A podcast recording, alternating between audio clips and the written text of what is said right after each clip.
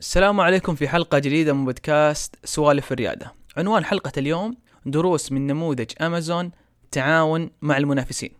عندما تجد الشركات المنافسة تتعاون وتعمل مع بعض في بعض الحالات على الرغم من المنافسة القائمة بينهم هذا يسمى coopetition في عام 2000 قدمت أمازون خدمة جديدة طبعا ذلك الوقت باسم Amazon Marketplace سوق أمازون.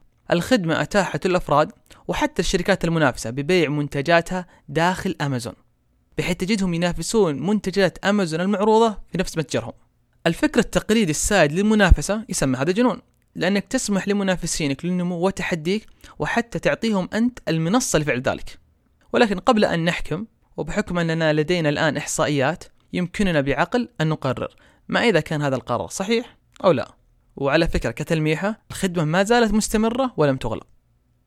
في الربع الثاني من 2002 يعني تقريبا بعد مضي سنتين ونصف من تقديم الخدمة 20% من مبيعات أمازون في أمريكا الشمالية كانت من هؤلاء المنافسين.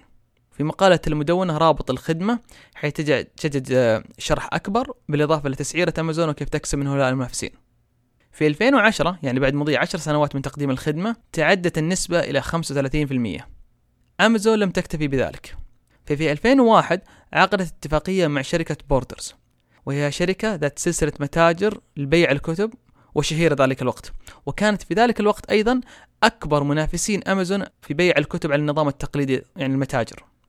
الاتفاقية بين أمازون وبوردرز كانت تشمل إدارة كل شيء من الشحن إدارة المستودعات الجرد إدارة المحتوى الموقع وأيضا خدمة العملاء.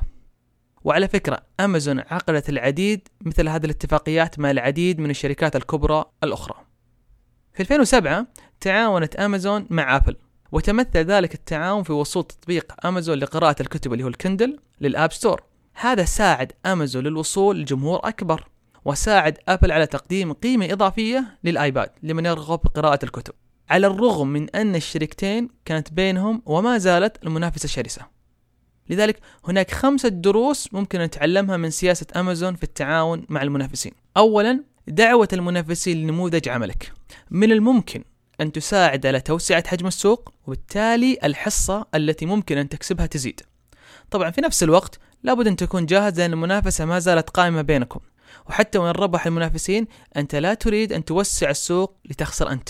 ثانيا يمكن للشركات استخدام الموارد بشكل أكثر كفاءة وأيضا الحد من المخاطر وعدم التيقن ثالثا هذه التحالفات من الممكن أن تعطي هؤلاء المتحالفين الطليعة على الآخرين في السوق المنافس مثل تحالف أبل وأمازون أعطاهم المقدم والطليعة في قراءة في مجال الكتب الإلكترونية.